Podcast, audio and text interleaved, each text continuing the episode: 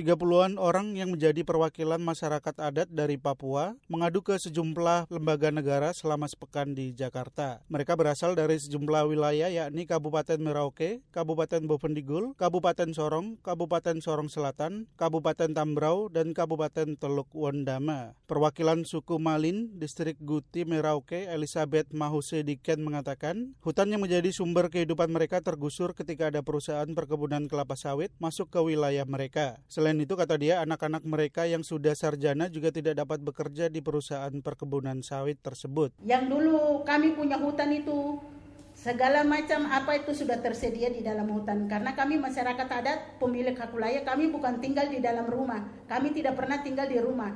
Kehidupan kami sehari-hari kami tinggal di dalam hutan.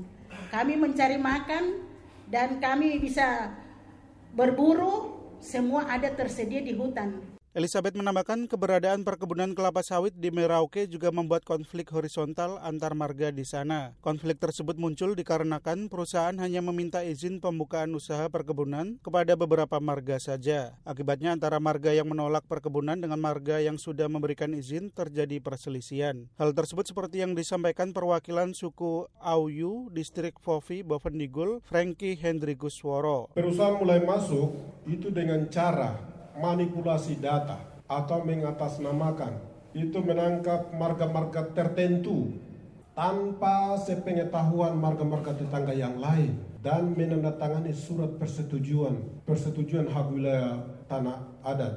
Untuk eh, dimiliki oleh arealnya perusahaan. Franky menambahkan pihaknya sudah menyampaikan surat penolakan terhadap perusahaan perkebunan di wilayahnya ke pemerintah daerah setempat. Namun belum ada respon dari pemerintah setempat terkait aspirasi mereka. Ia juga menuntut pemerintah pusat agar tidak memberikan tanah-tanah yang belum dikelola untuk tidak diberikan ke perusahaan. Selain itu, mereka juga meminta izin usaha perkebunan dan izin-izin usaha lainnya seperti pembalakan kayu dan pertambangan yang sudah habis waktunya agar dikembalikan ke masyarakat adat. Sementara Direktur Yayasan Pusaka Franky Simbarante yang mendampingi masyarakat adat mengatakan pihaknya telah bertemu dengan sejumlah lembaga negara selama mendampingi masyarakat adat Papua di Jakarta, antara lain Kementerian Lingkungan Hidup dan Kehutanan, Kementerian Agraria, DPR, Ombudsman, dan Komnas HAM. Begitu kemudian kita bertemu dengan uh, eh, KPK dari Komisi Pencegahan itu dengan Pak Martua Mar?